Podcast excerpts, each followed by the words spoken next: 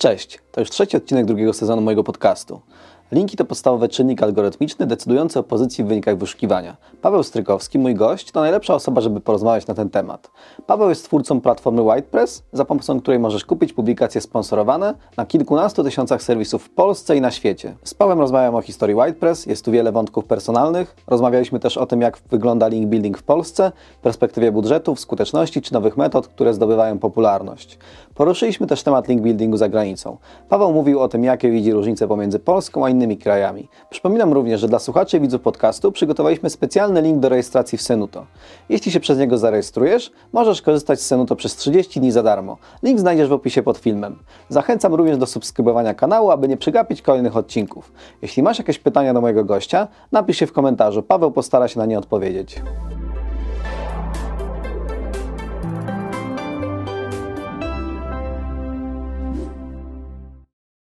Cześć, dzień dobry. Cześć Damian. Moim gościem jest Paweł Strykowski, CEO White Pressa i kilku innych firm.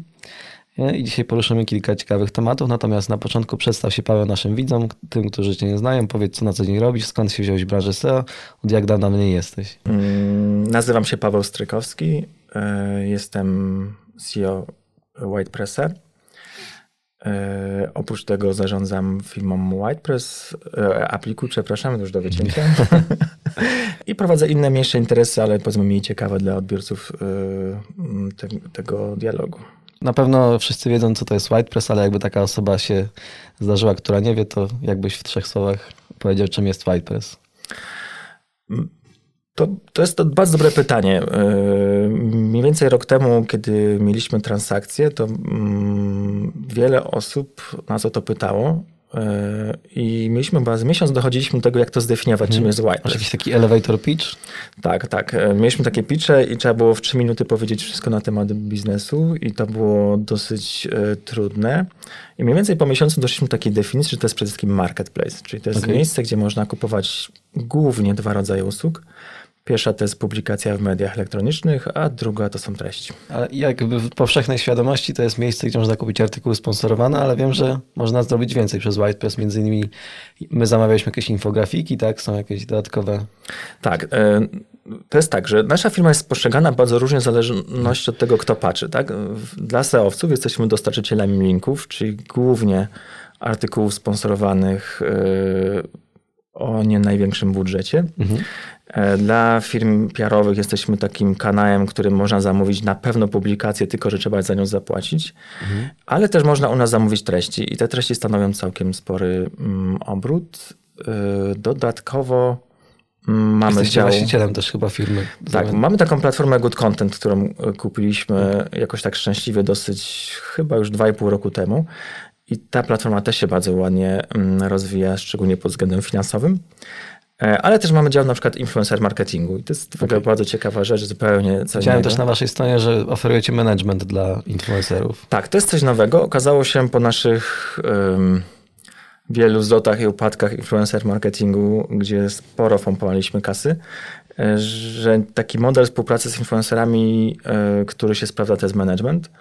To jest coś, co konkurencja odkryła dawno, tylko jakoś nigdy nie zauważaliśmy tego, ale e, to działa i rzeczywiście mamy bardzo fajny zespół, który tym managementem się zajmuje i, i to zarabia na siebie, robimy to dobrze, więc to jest zupełnie co innego, trochę obok, ale bardzo ciekawa część działalności. Okej, okay, czyli tych usług jest naprawdę dużo, więc takiej powszechnej świadomości to jest jeszcze dużo do zmiany, takie przynajmniej branży SEO postrzeganiu. Tak, znaczy ja w ogóle bardzo lubię spostrzegać y, to, co robi branża SEO trochę szerzej y, i, w ogóle funkcję tego, co robimy y, też szerzej i, i szczególnie ta podstawa, nasz model zarobkowy związany z artykułami to czasami wkurzam się po prostu, jak mhm. salcy mówią, to jest link building, tak? A tak naprawdę uważam, że to jest produkt, który powstał zanim było SEO, zanim mhm. były komputery, bo publikacje sponsorowane czy marketing taki natywny istniał już 150 lat temu. No tak, reklama natywna od dawna z nami była. A skąd się w ogóle wziąłeś w branży SEO? Bo wiem, że jesteś w niej od dawna, ale trochę w różnych rolach w niej uczestniczyłeś. Oj, moje początki były bardzo trudne. To znaczy, yy, spróbowałem sobie to przypomnieć i yy, obejrzałem pierwsze moje wpisy i reakcje na te wpisy e, na forum PIO. To było mniej więcej 20 lat temu. I W poprzednim odcinku mówiliśmy, czym jest forum PIO, więc zapraszam. tak, to jest forum, które teraz zastępowane jest przez Facebooka, głównie przez grupy facebookowe, bardzo kiedyś żywe.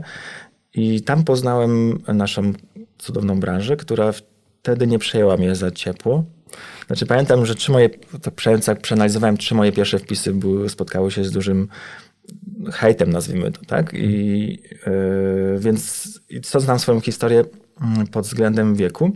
Natomiast dlaczego branża SEO, tak? E, mm, Jedną z pierwszych firm, które prowadziłem, to była firma Vizianet, e, która dalej istnieje, dalej jestem udziałowcem, prowadzona jest teraz przez Marcina Tomana, mego wspólnika, którego pozdrawiam.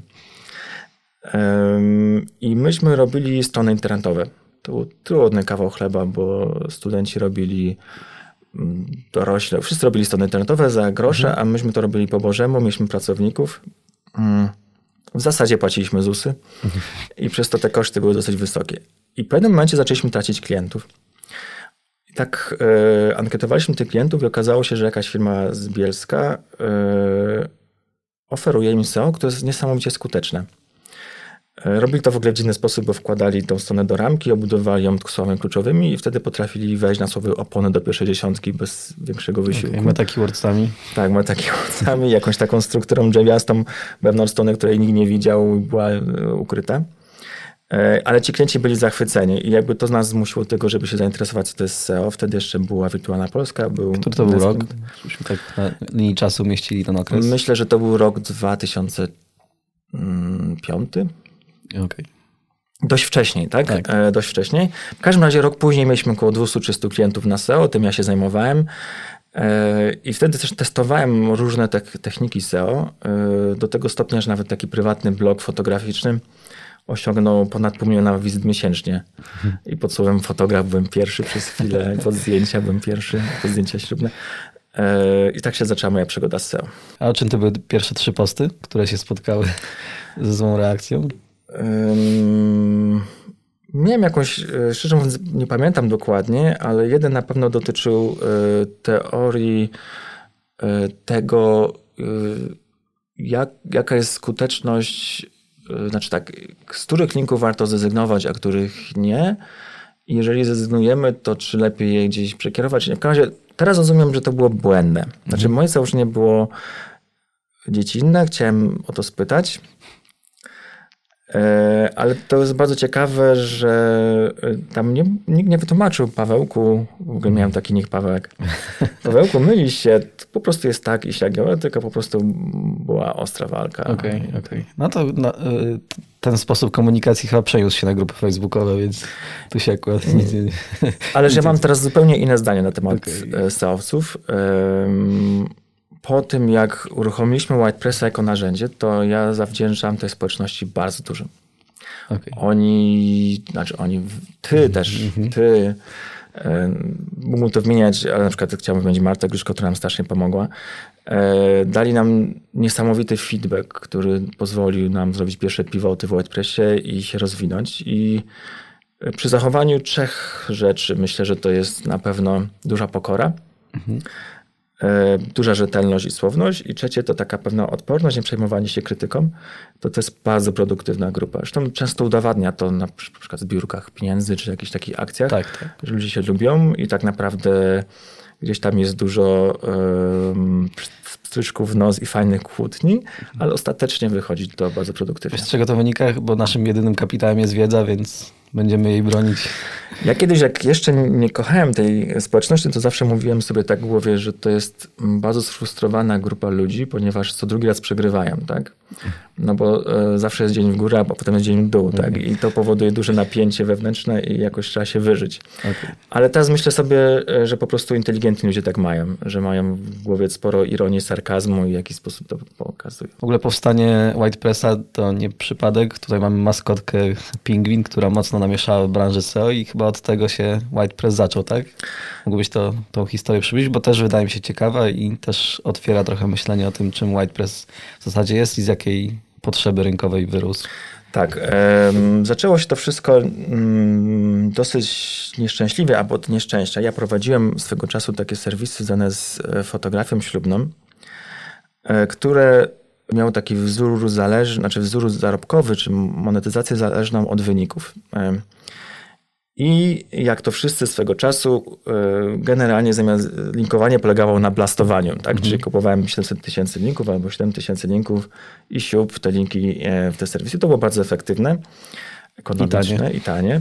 E, I tak naprawdę nie musiałem tego robić, to się kupowało po prostu jak e, teraz bułki w żabce i było wygodne, naturalne. Ale w pewnym momencie to się skończyło i był taki moment, w którym wszystkie moje serwisy oberwały. Tak, tak w ciągu tygodnia tych serwisów było... Październik 2013, tak? Czy... Bardzo dobrze, tak. To był mniej więcej ten okres. Yy, I, mm, I wtedy musiałem się tematem trochę zająć. Yy, Po pierwsze, na szczęście to były filtry ręczne, więc dało się z tego wyjść. To kosztowało mnie z dwa miesiące pracy. I potem pomyślałem sobie, halo, halo, Paweł, nie idziemy na skróty. I myślałem sobie, co zrobić i jaki link building przyjąć. I pomyślałem sobie, że ze względu na to, że ten serwis miał taką charakterystykę mm, trochę regionalną, to znaczy główne frazy były regionalne, typu fotograf Katowice albo zdjęcia ślubne Białystok, to zrobiłem i zamówiłem około 50 publikacji, e, artykułów e, w różnych serwisach. Co ciekawe, i pamiętam, że jeden wpis kosztował około 100 zł. Teraz to się wydaje takie. To była e, też grupa nasze, nasze miasto. Teraz trochę są drożsi. No nie to- wiem, czy przez popyt, czy przez inflację, ale ja ich rozumiem. Jest, jest popyt, trzeba, trzeba dostosować cenę. I to było bardzo pracochłonne. Znaczy tak, po pierwsze dało super efekt yy, i dosyć stabilny efekt. Po drugie dało ruch też, bo jakby wtedy nie zakładałem, że to jest tylko link building, ale to jest także tworzenie brandu, to jest jakiś ruch naturalny. E, I wydawało się to bardzo bezpieczne jak na e, owe czasy. Zresztą dalej się wy- wydaje dosyć bezpieczne, ale przede wszystkim było bardzo pracochłonne. I pomyślałem sobie, że tą moją drogą przejdą wszyscy SEOwcy w końcu, wcześniej czy później. I tak powstał pomysł na Whiteplace, czyli na jakąś bazę, która skupia wydawców, automatyzuje ten proces. Yy, Znalazłem wtedy wspólnika, Tomka, który był najlepszym programistą, którego spotkałem na tamten moment w życiu. Zresztą chyba do dzisiaj. Tomek się zgodził i tak założyliśmy tą spółkę. I jakoś Pamiętam, y, odnalazłem chyba w ostatnich dniach twój pierwszy post na grupie, gdzieś dodałeś, że tworzysz z Tomkiem taką usługę i chciałbyś, żeby ludzie przetestowali to. Był jeszcze 2013 rok, tak? Bardzo możliwe, że to był 13 rok, yy, chyba końcówka. To szybko zareagowałeś, bo ten pierwszy pingwin był w październiku, a ty jeszcze w 2013. Ja chyba ten film troszkę dostałem troszkę wcześniej. Pamiętam, że Okej. to trochę trwało. Znaczy na pewno parę miesięcy. Czy mógłbyś tą pandą w 2012 oberwać też? Panda to były to on-site'owe treści bardziej, ale y, dosyć szybko działaliśmy. Y, Tomek chyba dwa miesiące mu zajął programowanie serwisu. Na początku w ogóle mieliśmy inne założenia. Mhm. Y, na przykład zakładaliśmy, że będziemy ukrywali bazę wydawców. Okej. To jest- No tak, z, z wiadomych względów. Tak. Tak. y, I pamiętam, że był taki wieczór, kiedy puściliśmy y, tą stronę i, i dużo osób mówiło, no fajne, super pomysł, coś tam, ale to się nie da używać, tak? I siedzieliśmy z Tomkiem, mówimy, o Boże, tyle pracy, żeby uzbierać, mieliśmy 500 wydawców, a teraz musimy to wszystko otworzyć. Tomek był trochę przeciwko, ja powiedziałem, a Boże święty, no najwyżej, no. Właśnie widziałem w tym twoim poście komentarze właśnie dotyczyły tego, że baza jest publiczna i szybko te miejscówki będą spalone, tak w cudzysłowie. Tak, tak, tak. Jakoś się nie spaliły i, i działają. W każdym razie ten początek był strasznie dynamiczny pod względem zmian funkcjonalnych, ale dzięki właśnie tej grupie e, facebookowej. Sama nazwa White Press też się kojarzy z tym bezpieczeństwem, bo ten 2013 rok to taka zmiana z Black Hatu na White Hat i, i tak. stąd też e, nazwa? Czy... Jest to trochę tak, tak było przekorne. Zresztą do dzisiaj um, słyszymy czasami, dlaczego nie zamykamy jakiegoś serwisu tylko typu Black Press, żebyśmy puścili. Był taki, e, pamiętasz?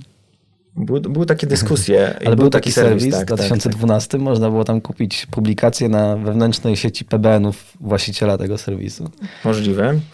E, Ale nie, to, nie- to nie była przeciwwaga dla was? Po prostu on... e, To, wtedy nawet nie miałem tej świadomości, e, szczerze mówiąc, ale myśleliśmy o tym, bo mamy cały czas takie ciągotki, żeby e, puszczać niskiej jakości serwisy. E, My mamy jakąś tam politykę w WhitePressie, dopuszczania serwisów, które spełniają pewne warunki, tak? Tam na przykład od 2 do 5 tysięcy unikalnych, jakieś tam warunki merytoryczne i tak dalej.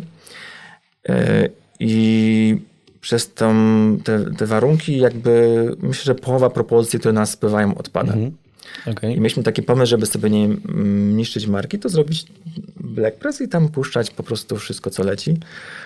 Ale Bo nie było, nie było tak, że to, co klienci u was na WordPressie by sobie wypracowali, to straciliby tam przez, e... przez, przez jakieś kary? No, e... Gdzieś tam w mojej głowie zawsze jest takie myślenie trochę po pierwsze o moralności, tak? Mhm. o takim spojrzeniu, żeby, e, żeby jasno komunikować ryzyko i tego ryzyka unikać, jeżeli ktoś go nie rozumie do końca. A po drugie, od początku jakby chcemy mieć wielofunkcyjne publikacje i chcemy, żeby WordPress to nie był tylko link building. Mhm. Staramy się, żeby te usługi dodatkowe i te parametry, które można w, przy publikacjach osiągnąć, dotyczyły także ruchu, dotyczyły tworzenia brandu, jakiejś tam widoczności social media. A to byłby taki kierunek raczej wstecz, więc zdecydowanie go uniknęliśmy. Okej. Okay. Widzów zawsze to interesuje. Y, nie wiem, czy możesz się wszystkimi danymi podzielić, ale jakiej wielkości firmą jest w tej chwili WhitePress? Na jakim obszarze geograficznym działacie? Jeżeli możesz się podzielić, jakie wyniki finansowe macie, ilu klientów? Oj, Damian, Damian, ja cię za chwilę spytam o Senuta. Tak Ale zacznę od najważniejszej rzeczy, że WordPress to są zajebiści ludzie. Widziałem wczoraj, e, wczoraj akurat był 8 marca, to pokazywaliście kobiety WordPress. Całkiem sporo ich tam jest. Tak, one nie dość, że są piękne i inteligentne, to są naprawdę w ogóle wspaniałe e, i super pracują. I chcę powiedzieć, że um, ja tak naprawdę już się w tej firmie trochę nie liczę. No Tak, korzystając z sytuacji, chcę powiedzieć, że ten zespół nasz jest naprawdę super. I mamy mm, bardzo mocno menadżerów, którzy wykonują ciężką pracę, którzy od mojego niskiego do ich wysokiego poziomu przenoszą jakąś tam energię i to mi się bardzo podoba. I to mi daje taki spokój, że mogę tą firmę prowadzić, zarządzać nią. I ta firma urosła rzeczywiście. Aktualnie mamy też mi trudno powiedzieć, bo mam prawie codziennie jakiś koniec rekrutacji, ale myślę, że około 115 osób w zespole. E, miesięczny obrót. Mm, ja bardziej pamiętam wzrosty i procenty, ale myślę, że to jest około 6 milionów złotych. Okay. Może trochę więcej, może mniej. Trudno mi teraz ocenić. Blisko 70 milionów rocznie będzie to. Chyba taki plan 67 milionów mamy budżet na ten, na ten rok, z czego już istotna część, każda na pewno nie symboliczna jest za granicą. Mm, wiadomo, że Polska jeszcze dominuje, ale do półtorej roku ma to się zmienić już. E, geograficznie działamy na wielu rynkach, głównie Europie, ale zaczęliśmy teraz dwa rynki, które są mega abstrakcyjne pod każdym względem prawnym, o takim kulturowym. Pierwszym jest Turcja, gdzie mamy już zespół chyba pięcioosobowy, gdzie mamy już publikacje, już dawno mamy stworzoną bazę wydawców i to było bardzo trudne też prawnie tam zaistnieć. A teraz budujemy zespół w Brazylii i ta okay. Brazylia to jest w ogóle ciekawa rzecz, bo tam są abstrakcyjne przepisy podatkowe. E, duża tak, taka zamknięta, znaczy zamknięte przepisy, które chronią wewnętrzny rynek. E, ale za to super ludzie i już zespół już mhm. prawie mamy i tam zaczynamy działać. Myślę, że zacząć będziemy zaczynać poszukiwać wydawców już od następnego miesiąca. Turcja nie jest takim oczywistym kierunkiem, ale Brazylia to jest kierunek chyba wielu polskich firm w tym momencie, z tego co przynajmniej ja się orientuję, więc będziecie mieli przynajmniej szansę na wymianę handlową między polskimi e, firmami. tak, znaczy wybierając kolejne rynki mamy takiego bardzo skomplikowanego Excela, hmm. który ma chyba, nie wiem, z 80 kolumn e, z parametrami różnymi, różnego typu, gdzie z wieloma źródeł e, danymi. I na podstawie tego Excela wybieramy kolejne rynki. Ten Excel zawiera różne rzeczy, nawet takie, czy lubią Polaków, okay. E, czy tam wychodzi komuś innemu z Polski, e, czy siła nabywcza jest odpowiednia w stosunku do wartości pieniądza, jakie jest ilość domen zarejestrowanych i tak dalej. I te dwa kraje to nie jest jakiś tam przypadek. Tak? E, Turcja hmm. jest bardzo dużym rynkiem, mało konkurencyjnym. Google tam się bardzo mocno liczy. E, I to jest taki rynek, w którym startujemy zupełnie od zera. Znaczy, tam nie ma cross-country publikacji, tak było dotychczas w Europie, więc nie można tego rynku napędzić stąd.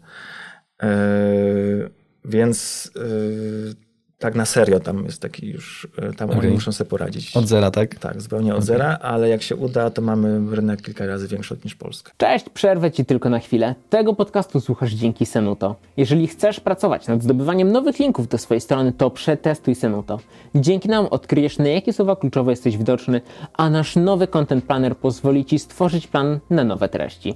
Dla słuchaczy podcastu mamy specjalną ofertę na 30-dniowy okres próbny. Kliknij w link na dole w opisie i przetestuj Senuto. Jeżeli słuchasz, również znajdziesz go w opisie. Ok, a teraz wracajmy do rozmowy. Pogadamy jeszcze o zagranicy, ale teraz przejdźmy do Dobrze. link buildingu w Polsce. Masz szeroki pewnie możliwość spojrzenia na ten rynek, więc podpytam cię, jak on wygląda od takiej wewnętrznej strony. Wszystkim jakbyś ocenił teraz stan link buildingu w Polsce? Tak ogółem, bez, bez, bez szczegół, szczegółowego pytania. Em, Ja myślę sobie tak, jest e, dużo lepiej niż było kiedyś. Znaczy, ja obserwuję to, co robią nasi klienci.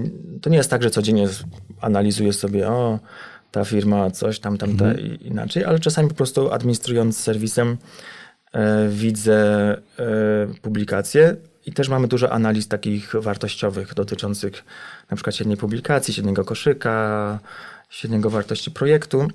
I na pewno wśród działań link buildingowych opartych o artykuły jest dobry trend dotyczący jakości. To znaczy, po pierwsze, mm, średnia wartość publikacji rośnie i to rośnie szybciej niż inflacja, chociaż w tym roku będzie ciężko. E, ale tak analizując 4 A lata na pewno nie w Turcji.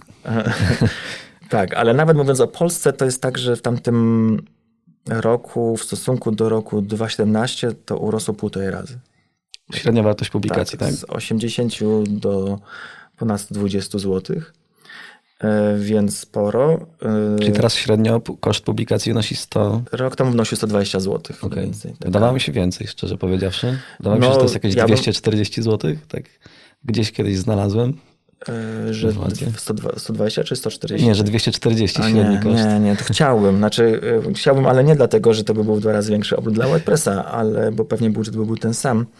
Natomiast y, ja w ogóle uważam, aż- że te 200 zł to powinno być minimum, tak? Jakby Mhm. trzymać jakości. To, co na pewno się poprawia, to jest techniczne aspekty tego linkowania. To znaczy, kiedyś to było tak. Każdy, każda publikacja to było 2,5 tysiące znaków, tak plus minus 10%.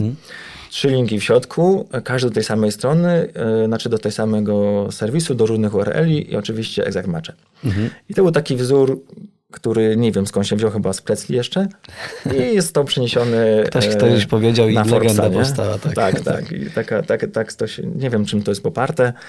E, Nie wnikam, te treści były słabej jakości. Teraz jest tak, że ludzie naprawdę, e, którzy są po stronie agencji, myślą. I po pierwsze, te treści są do czytania, po drugie, są dobrze zoptymalizowane, że same mogą się pozycjonować. E, Po trzecie, e, ta różnorodność, różnorodność linków jest większa, tak? Znaczy, to nie są tylko linki w treści, nie są tylko matche, są brandowe, są ze zdjęć, są linki trustowe zewnętrzne, są linki do poprzednich publikacji. No, jakiś tam taki większy wysiłek trochę organizacyjny widać w tym wszystkim. Więc powiedziałbym, e, że jest coraz lepiej. E, Przynajmniej pod tym pod względem tego, co mogę obserwować bezpośrednio. Okej, to pogadajmy o pieniądzach, o tym, jak ten rynek pod kątem finansowym wygląda. Ile w Twojej opinii wydaje się teraz rocznie na link building w Polsce? Wiemy z badań IAB, że na całą reklamę SM wydaje się tam 2 miliardy złotych mniej więcej. Ten rynek rośnie 12% rok do roku. Jaką część z tego stanowią budżety link buildingowe? Oczywiście Ja myślę, że to jest tak, że udział rynku w, w SEM-ie rośnie. Znaczy, SEO w SEMie, tak? SEO w SEM-ie, tak? Ten SEM też jest taki trochę ograniczony, znaczy zależy jak rozumiem jeszcze SEM, ale tak naprawdę przepustowość płatnych reklam jest skończona, no bo Google nie może całej strony już rzucić, tak? Więc A może zwiększać stawki? może zwiększać stawki, to. ale to powoduje, że SEO robi się bardziej konkurencyjne, więc to jest taka e, gdzieś tam równowaga cały czas powstaje w tym wszystkim. E, Ale wróćmy do pytania. E, Wyszedłem od obrotu zwanego z artykułami sponsorowanymi i publikacjami w, w mediach i wydaje mi się, że to jest około 10 milionów rocznie. Tak sobie to szczelam, patrząc pod uwagę, ile się wydaje w WordPressie, w naszej konkurencji, którą analizujemy czasami i poprzez bezpośrednie działania. Więc to jest 10 milionów na pewno.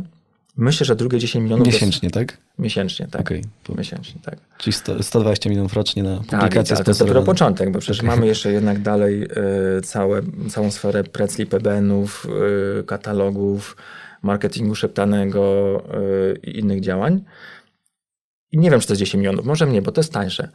Ale mamy jeszcze trzecią grupę, to jest usługa, która się na to narzuca, czyli tak naprawdę ta cała analiza, yy, koszty Senuto. tak, tak. Ktoś szuka keywordów, to przecież też za to płaci ostatecznie.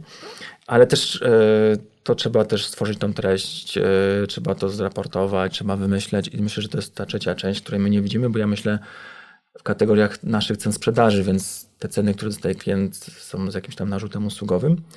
Więc myślę, że to jest 30 milionów miesięcznie. Taka jest wartość link buildingu samego. A do tego jeszcze trzeba dodać treści. 360 milionów link building plus powiedzmy. No, drugie tyle bym dał na tą całą resztę, czy tam taką okay. techniczne aspekty plus e, on-site, e, więc Czyli myślę, w budżecie SEO 50% to linki, tak? Myślę, że tak. Myślę, że tak bym zgadywał. Aczkolwiek powinno być trochę mniej. Kiedyś było to 5-10%.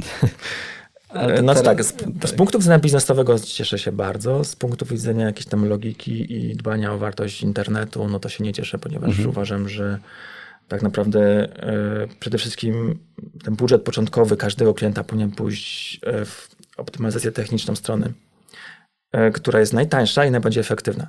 I powinna być załatwiona od razu, tak mhm. na strzał. Tak? Potem powinien być treści na stronie, które powinny być wysokiej jakości a potem link building. Okay. Więc taka kolejność. Okay.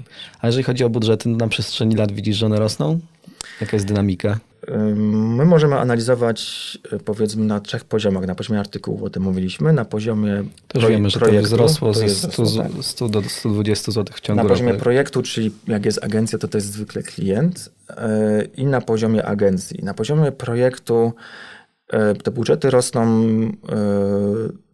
troszkę chyba mniej niż średnia publikacja, albo podobnie, mhm. więc liczba publikacji się nie zmienia. Znaczy jest podobna, ale są droższe, a czasami nawet jest tak, że yy, są klienci, którzy obniżają liczbę publikacji, a zwiększają budżet per publikację.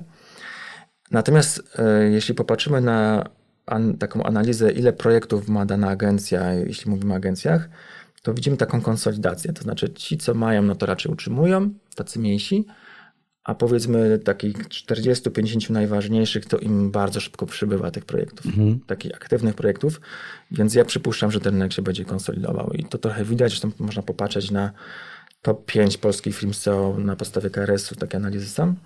Ale konsolidował w, w liczbie podmiotów, czy znaczy, co się stanie z tymi małymi? Zostaną one znikną. znikną znaczy, okay. Już się to dzieje. Jest, jest sporo podmiotów, które kupuje inne podmioty i e, wydaje mi się, że to jest taki kierunek który chyba dotyczy większości branż na świecie. Tak? E, tutaj ten know-how, automatyzacja obsługi klienta, automatyzacja raportowania, lepsze ceny, bo jak się coś kupuje dużo, to się ma taniej, yy, powoduje, że tym dużym jest łatwiej trochę. Okej. Okay. No to akurat spotykam się z różnymi opiniami na temat tego, czy to będzie konsolidacja, czy rozdrobnienie. Mhm. Można to przez... Y, był taki okres, że na przykład Bauer kupował dużo firm, Teraz ostatnio chyba tą transakcję miał grupy TENS, ale się tak, jakoś tak. wycofał z tego, z tego rynku, ale rzeczywiście ci koledzy moi, którzy prowadzą większe agencje, no to chcą kupić, kupić mniejsze. Tak, znaczy wydaje się, że ten, wartość tego klienta jest spora i jak się potrafi dobrze obsługiwać tego klienta, to można mówiąc brzydko, kolokwialnie wyciągnąć z niego więcej, tak? I mhm. te duże firmy to potrafią. To LTV na kliencie SEO jest bardzo duże, bo nawet jak masz klienta za kilka tysięcy złotych, to to LTV będzie po, powyżej 100 tysięcy na pewno. Tak, tak, tak. Jeśli, jeśli jesteś dobrą firmą, yy, masz wyniki, no to ten klient nie odchodzi, tak? I to jest zdecydowanie ważne. Teraz była taka dyskusja, czy te pozycje, pozycjonowanie PL, znaczy pozycjonowanie w Google jako fraza jest warta milion złotych. Widziałem, tak, tak. To jest dobra dyskusja i nawet jadąc autem, gdzie ja sobie o tym myślałem do Warszawy i myślę, że nagi jest, bo jeśli właśnie policzymy wartość takiego klienta, e, to nie jest tylko te 2000 miesięcznie, jak pisał jeden z, z autorów, mhm.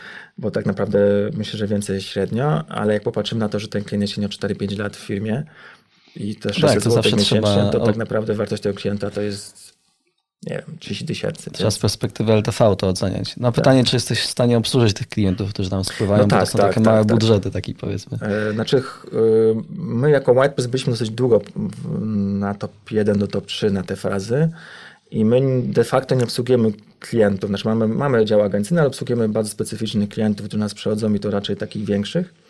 I myśmy te lidy tracili. To znaczy, jak przychodził ktoś, chciał wydać za 3000 miesięcznie nawet, czy dwa, y, to nie do końca wiedzieliśmy, co z nimi zrobić. Ale e, firmy, które mają szerokie spektrum usług, e, myślę, że mogą na tym skorzystać. Mhm. Zdecydowanie, to też wizerunkowy efekt mocny, ale to, Poza tym, jaka, jaka no. to była skala u was, tych lidów? Te, też biorąc pod uwagę, że nie byliście nastawieni na pozyskiwanie lidów, więc... Tak, tak, nie byliśmy, ale mi się wydaje, że to było kilkadziesiąt miesięcznie na pewno takich sensownych lidów. Więc jak policzyć wartość takiego klienta i tak rocznie, no to myślę, że ten milion się zbiera. Okej. A y, taki średni budżet na link building per projekt to jest mniej więcej. Wiemy, jaki jest średni koszt publikacji, to jaki jest taki średni budżet per projekt. Myślę, teraz? że to jest około 2000 zł, Okej. ale to jest bardzo różnie, bo mamy mnóstwo projektów, które mają bardzo niski budżet, a są takie, które mają na przykład 40 tysięcy.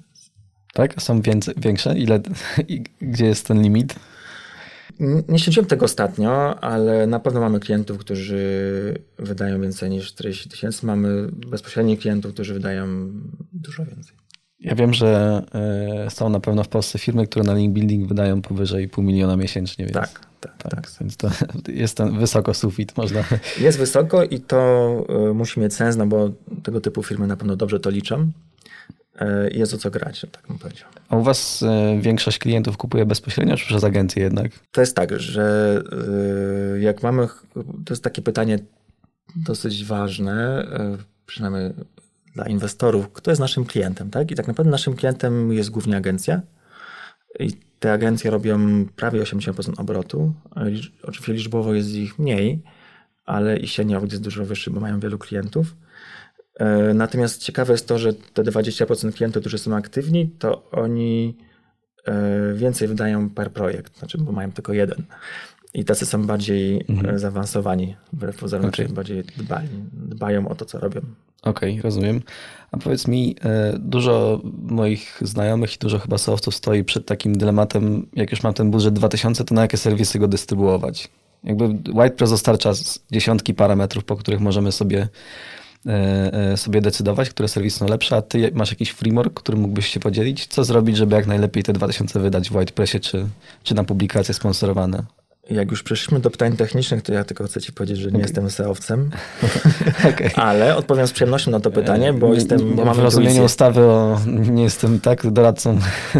Tak. E, ja, ja zawsze sobie wyobrażam e, tą usługę w ten sposób, że jak ktoś e, robi link building, to powinien wybrać takie miejsca, które by wybrał, gdyby go nie robił.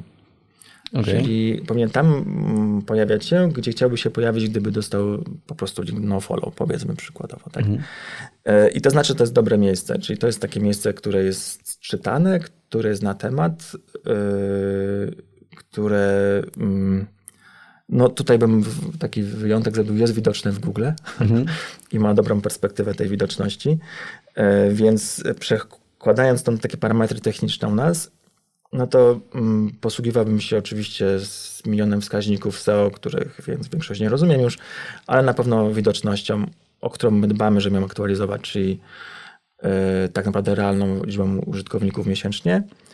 Trendem widoczności, na przykład Senuto. Bo też macie taki parametr, tak? Czy domena zyskuje na... Tak, znaczy mam taki wykres. Okej, nawet, okej. Zresztą Damian, myślałem, że wiesz. No. tak, tak, wiem, że Tam- macie wykres, ale myślałem, że Tam jeszcze jakąś od metrykę. trzech produktów, ale wszyscy oglądają najczęściej na pewno Senuto i tam jest taki wykres ro, rok wstecz i widać, jaki jest trend widoczności Okej. każdej e, domeny, która u nas jest. Ale mamy też taki bardzo ciekawy parametr, często niedoceniany, a bardzo pracochłonny przy opracowaniu. To jest taki e, wskaźnik merytoryczny serwisu. I to jest taka ciekawa rzecz, że my, każdy serwis, zanim zostanie przyjęty, on dostaje taki punkt od 1 do 10 i na te punkty składają się takie, przykład takie zagadnienia, e, ile, jaki procent artykułów wśród ostatnich 10 to są artykuły sponsorowane. Jak na przykład jest więcej niż 5, to jest 0. Nie? Jak jest 10, to jest też 0, ale jak na przykład jest tylko jeden, no to ma ktoś 3 punkty, tak? Albo na przykład, czy te artykuły są rzeczywiście komentowane przez kogokolwiek, tak? Albo na, no, Dużo jest takich To jest jakiś e, zespół wasz, tak? Przygotowuje Tak, tą ocenę? mamy e, dosyć duży wysiłek takiej analizy tych wydawców i tam jest zespół, e, to oczywiście jest automatyzowane troszkę, który analizuje każdy taki serwis i dla mnie na przykład ten parametr oceny merytorycznej jest ważny. I nim też się posługuję, na przykład jak sam tam gdzieś link buildinguję cokolwiek, ale też jest taki fajny parametr, taki, ja mówię o unikalnych, no bo taka ukryta autopromocja troszkę. Muszę trochę Tak, tak. Musisz, e, wiesz... tak, coś tam e, przemycić, tak. ale mam taki fajny parametr, który pokazuje, y, ile możemy się średnio spodziewać odsłon na artykule, który publikujemy. Na podstawie wcześniejszych publikacji, gdzie mamy zaszyty y, kod śledzenia, jesteśmy w stanie dla każdej oferty, którą ma dany portal, określić, jak tam się to wcześniej, y, nie wiem, średnio pokaz- pokazywało ta strona. Więc ktoś może na przykład ocenić, czy ta strona e, da efekt, znaczy ta publikacja da efekt, czy nie, jeśli myśli o wizerunku na przykład, albo o liczbie odsłon. Tak? Okej. Więc to jest takie ciekawe. To jeszcze ci zadam takich parę pytań, które zawsze mi są zadawane w kontekście publikacji. Dawaj. Może będziesz w stanie je zaadresować. Po pierwsze, te parametry określające, nie wiem, jakość linków i tak dalej, typu DR, y, no to są parametry, które pewnie stosowałbyś, czy nie? Nie, ja ich nie stosuję osobiście. Znaczy, jest ich sporo, mamy ich sporo w serwisie. Ja rozumiem, że one bardzo ułatwiają życie, bo, bo w końcu są liczone przez bardzo duże narzędzia i one wskazują na średnią jakość linków przechodzących do domeny, strony URL-u, wywodzących i tak Osobiście nie. Okej. Bardziej bym wierzył na przykład już taki parametr, który no przyznam, wymyśliła konkurencja, przynajmniej, znaczy nie wymyśliła, dożył, dożył jako pierwsza, bo został wymyślony na SEO rejsie. Tak. To jest parametr e, dotyczący stosunku liczby, liczby linków wchodzących do wychodzących. To, to może być dosyć ciekawe, bo to może wskazywać, czy coś nie jest za spamowane. I parametry widoczności. No, To są takie rzeczy, które... Okej. Duży jeszcze problem, jaki często obserwuję, to jest to, że kupuję publikację na dużym serwisie, ale ona nie przechodzi przez stronę główną. Biorąc jeszcze pod uwagę problemy Google z indeksacją, to jakby mam, mam z tym problem. Czy wy jakoś na przykład adresujecie to w swojej ofercie, czy E, tak, jak sobie z znaczy- tym radzić? Mm, To, na to pytanie można odpowiedzieć na wiele sposobów. Po pierwsze, u nas jest tak, że jakby przy każdym portalu jest wiele ofert. I te oferty mówią, czy to jest tak zwany golec, mówiąc Okej. tak kolokwialnie znowu. I to jest taka publikacja, która jest w W strukturze serwisu? strukturze, ale tak naprawdę trudno powiedzieć, jak do niej trafić. Mhm. I to, to jest w ogóle bardzo ciekawe, dlaczego ludzie to zamawiają. Eee, myślę, że to To jest załatwia... najtańsze. Tak, tak. I, I to jest bardzo ładne w raporcie. Tak, tak. Bardzo ładne w raporcie, szczególnie PR-owym, ale też salowym pewnie też. E, I wtedy na pewno jak ktoś by myślał o SEO, to trzeba zadbać o inne publikacje, na choćby z tego samego serwisu, żeby tam podlinkować coś. Ale większość portali, szczególnie tych dużych, ma też publikacje bardziej skomplikowane, e, gdzie mamy stronę główną i promocję na nich, gdzie mamy dodanego Facebooka, Twittera i, i różne rzeczy, które powodują ruch. Są publikacje, ostatnio się bardzo cieszą publikacje z gwarancją ruchu. Czyli Okej. ktoś chce mieć na pewno tysiąc wejść i dużo portali takie coś gwarantuje. Yy, I te wejścia wynikają z promocji wewnątrzportalowej, która dla takiego wydawcy jest najtańsza. Jaka jest procentowa różnica w cenie średnio od takiego golca, jak to nazwałeś, do, do tego? E, To bardzo zależy. Przy małych serwisach to nie jest duża różnica, e, bo tak naprawdę małe serwisy de facto nie mają takiego golcu. Znaczy zwykle to jest tak, że pojawia się ten artykuł, on jest na stronie głównej wypychany w sposób naturalny, e, szczególnie w serwisach miejskich i powiedzmy jest jeden dzień i zbiera od 100 do 1000 wizyt, tak? E, To jest mało. Jak ktoś chce coś więcej, no to musi dopłacić i to jest od 30% do 3000%. Okej. A myślicie jeszcze o jakimś parametrze, który, który by, nie wiem, badał, czy dany serwis wzmacnia pozycję, czy nie? Przy takiej skali, powiedzmy, Yy, byłoby to w jakimś stopniu możliwe. Musielibyśmy bardzo ingerować w to, co się dzieje ze stroną klienta. Staramy się tego unikać. I z drugiej strony, jesteście marketplace'em, ja to też rozumiem, tak, że, tak. że to klient sam powinien rozumieć, co kupuje, ale mm, po pierwsze, ja bym powiedział tak, że trochę chcemy odejść od wyścigu z brojem pod tytułem kto ma więcej parametrów, tak? E, Bo tych parametrów ja nie wiem ile mamy, ale ostatnio właśnie mamy taki etap porządkowania UX-owego tej wyszukiwarki, bo ja sam się już w niej troszkę gubię. E, Po drugie, wydaje nam się, że chcemy dojść do takiego poziomu, którym trochę myślenia zostawiamy tym e, agencjom. I na przykład mamy takie narzędzie, że można wpisać wyrażenia kluczowe, które nas interesują i system szuka portale, które są na te wyrażenia wysoko albo podobnych. I teraz można by zastanowić się, jak zaproponować te wyrażenia, które nas interesują. Tak? I tych sposobów jest mnóstwo. E, ale jakbyśmy, tak myślimy, czy zrobić integrację, no, na przykład z wami, tak? E, albo z jakimś innym narzędziem, e, no to myślimy sobie, no dobra, zrobimy na podstawie konkurencji, może zrobimy na podstawie e, nie wiem, szans, tak? Czyli od czwartej Mhm. pozycji do dziesiątej, może jeszcze od, albo od dziesiątej do jedenastej. No, Pomysłów jest tysiąc, ale wydaje mi się, że na tym polega właśnie zabawa tej osoby po drugiej stronie, żeby sama coś tu Okej. zaproponowała i zdobyła przewagę. Bo jak ja sobie patrzę na przyszłość, no to jak sobie sklasyfikujemy narzędzia, które ułatwiają pracę, no to teraz mamy taką klasyfikację narzędzi, które ci pomagają jakiś proces zoptymalizować. No kolejna era narzędzi to jest, są narzędzia, które wyeliminują ten proces. Nie?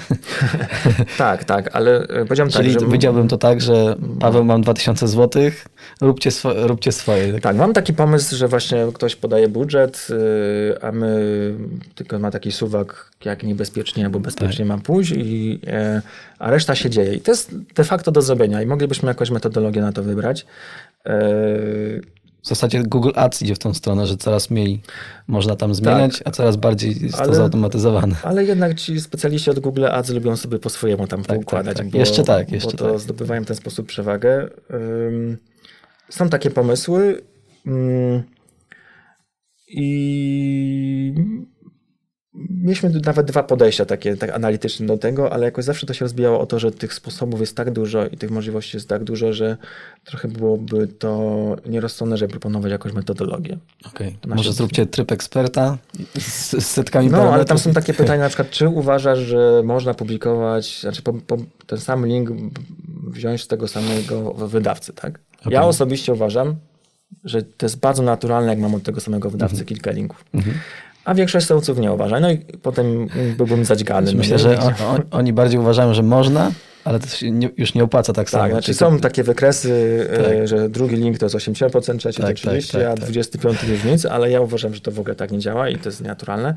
Jeśli mamy kilka linków, one się nawzajem jeszcze tematycznie ten i ten serwis jest mocny, to super. I takich zagadnień naprawdę jest e, dużo. E, one dotyczą, nie wiem, gęstości linków, tematyki, odwagi co do, nie wiem, jak, jak maczy. aktualnego stanu serwisu. Tak, bo to też trzeba było przeanalizować, Tak, trzeba popatrzeć historię, ją też pobrać, mm, zobaczyć, czy te linki na przykład są już głęboko bardzo i to linkowanie wewnętrzne, znaczy linkowanie z publikacji jeszcze coś daje, czy już nie i trzeba powtórzyć. Yy, da się, wszystko się da. Nie wiem, czy jest sens. Okej, okej, rozumiem. Tak chciałem cię podpytać. A jak najlepiej ustalić budżet na link building? Jak mam, mm, nie wiem, budżet na SEO 5000 zł, to jak wyznaczyć, ile powinien na linki widać? Oczywiście. Nie, weźmy, weźmy od tych Tylko 5 nie mów, tysięcy. że jak tak? najwięcej. E, Weźmy od tych 5 tysięcy. e, Myślę sobie, że mm, powiedzmy, że mamy etap e, taki, że ta nasza już jest technicznie ok. Bo na początku Mhm. uważam, że te 5 tysięcy powinno pójść w audyt. E, Potem 10 w realizacji tego audytu, a potem 5 sprawdzenia audytu, Mhm. czy został dobrze wdrożony i potem możemy działać. I mamy powiedzmy typową sytuację comiesięczną, więc e, powiedzmy 20% bym zostawił na cały czas na takie działania techniczne wewnątrz Mhm. strony, czyli to jest 1000. Mamy jeszcze cztery. Z tych czterech dwójkę bym, jeśli jest taka możliwość, bym widział w treściach takich on-site'owych. E, Nie, czasami to nie ma sensu, tak? Myśmy na przykład na Apliku stwierdzili, że trochę już przestaniemy to inwestować, bo, bo ten ruch jest, ale on mało konwertuje tak naprawdę. I oczywiście może wzmacnia te strony takie miejskie konwertujące, ale chyba lepiej robić co innego. Ale powiedzmy, że jest taka możliwość, więc 20%, znaczy 40% pozostałe bym dał do on, na treści na stronie i ostatnie 40 w link building. Okej. Czyli zostaje na link building 2000. Te 5000 okazuje się tak trochę mało, no nie? Daj pół. Tak. To powiedzmy, że 2,5, bo tam coś utnęliśmy z tego sajtu, czy tam z technicznych aspektów. Jak 2,5, to bym e, wydał 1000 na artykuły, znaczy na treści, żeby były wysokiej jakości, żeby były dobrze zoptymalizowane, żeby były na temat, żeby były z pomysłem, e, żeby były najlepsze w danym serwisie, mm, w którym publikujemy. E, No i ten półtorej tysiąca bym wy, wy, wydał na przy takim średnio rozsądnym 5 publikacji. Okej. I 5 publikacji po 300 zł. Tak bym to zrobił. Czyli- Oczywiście to są same publikacje, treści osobno. Czyli z 5000, 1500, Tak. tak, to 30, niecały procent. No i to by się zgadzało. Okej, okej. To by się zgadzało. A co myślisz, tak patrząc z perspektywy klienta i uczciwość i współpracy z agencją? Czy agencje powinny na przykład ten budżet wpisywać do umowy, a wpisywać liczbę linków? Jak to najczęściej? Tak będę coraz lepsze tematy poruszasz, naprawdę. Muszę, muszę Dużo przyznać. klientów też nas słucha i jakby Tak, zawsze, tak, jest, y, zawsze istniał ten problem tego, że y, istnieje duża dysproporcja między pomiędzy agencjami a klientami i, i ten temat link buildingu zawsze się gdzieś tam przewijał. Czy ty raczej byś był zwolennikiem takiego modelu, gdzie agencja decyduje na co wydać te 5 tysięcy, czy ustala z klientem, że budżet mediowy wynosi półtora tysiąca i wtedy w tym półtora tysiąca jeszcze określa ile tych linków pozyska? Jak... Znaczy przede wszystkim bym powiedział, że najważniejsza jest transparentność, czyli mm, klient tak naprawdę powinien wiedzieć za co płaci. E, dosyć e, uczciwie, czyli na przykład dostaje taki raport, w którym co miesiąc widzi tak, e, link building 1500, zrobienie artykułów 1000, obsługa techniczna 1000 i na przykład 700 zł e, usługa m, taka e, na przykład doboru tego link buildingu, tak? Em, Czas. Ten czas, tak. I ten czas może wynikać z liczby godzin, może po prostu być stały. I jeśli ktoś mm, robi taki raport i na przykład nie ma w w nim tego czasu Mhm. E, i mówi, że on zapłaci za link building, to e, taki klient może spytać, a gdzie, gdzie wyście zarobili na tym? Nie? I to wiadomo, że to jest tak coś w rodzaju jakiegoś małego wału. No nie? E, Więc ja jestem za tym, żeby to było bardziej transparentne. Oczywiście można pokazywać klientowi jakiś tam poziom cen e, wynikający z jakiegoś raportu, e, ale często naprawdę mamy, myślę, że tak raz w miesiącu taką akcję, że trafia do nas klient od agencji i mówi tak, e, jak to jest możliwe, że ja mam tutaj w raporcie od agencji XXX pozycję na 700 zł, a u was to kosztuje 85. Okej. I to się zdarza. I mówię, o, to jest proporcja realna, tak? E, bo agencja mm, boi się powiedzieć, że jego czas kosztuje i oszukuje na wartości publikacji. Więc przede wszystkim transparentność, po drugie uczciwe podejście do tego, że ta cena i ta usługa musi kosztować i ta robocza godzina jest tyle warta, nie mniej, nie więcej. Ale to, jaki jest podział budżetu, powinno zależeć od firmy wykonującej usługę, bo ona wie, jaka jest potrzeba. Yy, Nie wyobrażam sobie, żeby to klient yy, decydował. Może się o to kłócić, może przyjąć jakieś początkowe założenia, że w coś wierzy lub nie wierzy, ale to odpowiedzialność bierze firma, która pozycjonuje. Okej, rozumiem. No to zdrowe podejście reprezentujesz. Nie wiem, czy zdrowe. ym, Moje opinie oczywiście. u- Uczciwe dosyć. yy, I wydaje mi się, że fajne długofalowo. Na przykład też jestem okropnym przeciwnikiem długofalowych umów. Znaczy, mm, żeby, nie wiem, uważam, że umowa powinna być miesiąc, dwa wypowiedzenia max. Yy, Jakoś nie, nie czuję tego, że może być dłużej. Wiesz, że, jak to agencje tłumaczą, że po prostu na początku jest większa inwestycja czasowa, a opłata jest rozłożona 12 miesięcy. To niech skasują na początku więcej, tak? Albo niech ten początek, który jest zwykle audytem, rozbiją na trzy miesiące. Albo mm, niech powiedzą, że pierwszy miesiąc 10 tysięcy i żadnych innych działań poza usługami, a potem to schodzi do pięciu, tak? Że ten początek jest bardzo ważny. To, to się da. Takie umowy długofalowe są fajne z punktu widzenia finansowego, fajne z takiego budżeta czy wyceny z potem takiej spółki y, agencyjnej ale dla klienta one wprowadzają jakiś brak z, takiego zdrowej relacji, bo klient nie wie, czy może wyjść z- tej współpracy, czy może nie wyjść, czy jest zadowolony, czy nie. A tak to wszyscy są napędzani tą jakością i to jest ok. Super. No to takie pytanie trochę mm, może dla ciebie niewygodne. Kiedy nie warto robić link buildingu? Kiedy 0 zł nasz budżet powinien wynosić? Tym samym 0 zł w Whitepress. E, na pewno bardzo rzadko. na bardzo rzadko. E, Nie, tak, nie że- spotkałem się z takim przypadkiem. Tak. Ja osobiście nie spotykam takich osób, ale e, prawda jest taka, że jak ktoś ma 500 zł miesięcznie i prowadzi agencję, znaczy prowadzi kwiaciarnię na jakiejś ulicy i nie ma aspiracji handlu online, e, to te 500 nawet jest dużo, tak? Tak naprawdę wystarczy 500 rocznie. To lepiej, żeby zadbał o ma- mapkę, dodał coś do Facebooka i pilnował jakichś takich podstawowych elementów. Może dodał się do jakiegoś portalu lokalnego. E, Robienie tutaj grubego SEO. serwisy wertykalne. No, no, ale robienie grubego SEO nie ma sensu. No drugi przypadek jest taki, jak firma na przykład ma biznes, który wie, że za trzy miesiące zamknie, tak? To jakby rozpędzanie SEO też nie ma sensu. Trzecie, jak firma ma stronę, która jest mm, zupełnie niezgodna z zasadami technicznymi SEO, to niech najpierw ten etap załatwi, a potem robi link building. Czyli bez fundamentów w dachu niestety. Bez fundamentu, bez potrzeby, tak, e, to nie ma co tam budować kolejnych pięter z Okej. buildingu. A jak patrzysz z perspektywy waszych wszystkich klientów, to jakie błędy w link buildingu oni najczęściej popełniają? Trochę tu wymieniłeś, ale jakbyśmy mogli jeszcze Nie, tego wrócić. klienci nie popełniają żadnych błędów. Okej. Oni się poglądają, że co do, doskonalą swoje usługi, rozwijają się. E, A tak poważnie to ja myślę, że oni przechodzą jakąś taką mm, przemianę jakościową i tam przemiana jest. Trochę może za bardzo czasami ryzykują e, linkami do follow. Jakoś tak nie do końca jeszcze czuję, że można dalej to robić w taki sposób nachalny i tak ryzykować. Ale ten trend jest super. I e, ja bym tu powiedział jedną bardzo ważną rzecz, że mm, z czego klienci nie robią dobrze, albo czego się boją, to boją się kontaktować z nami. Mhm. Znaczy, chcę powiedzieć, że myśmy nigdy za żadną poradę nikogo nie skasowali. E, można dzwonić, można się pytać, można się pytać, jak z tych filtrów korzystać, dlaczego warto, e, właśnie jaki budżet, e, czy ten serwis jest dobry, czy zły i co to znaczy. I my to wszystko powiemy, więc mamy do tego zespół, bardzo szkolimy naszych pracowników na każdym poziomie, na każdym stanowisku, żeby osoba miała odpowiedni poziom wiedzy, więc powiedziałbym tak. Ile z tych 115 osób jest w Customer Success waszym? To jest tak, że jeśli popatrzymy na Polskę, to jest to w zakresie takim obsługi klientów około 10 osób, Okej. ale y, osobno są do wydawców jeszcze zespół, osobno do y, klientów i tak naprawdę rozwiązujemy cały czas problemy, sytuacje nietypowe. Mm, Poganiamy wydawców, pilnujemy właśnie sytuacji takich związanych z na przykład naruszeniem prawa ym, albo z jakimiś e, problemami użytkowników. Można dzwonić, można się pytać, zachęcam do Okej. tego.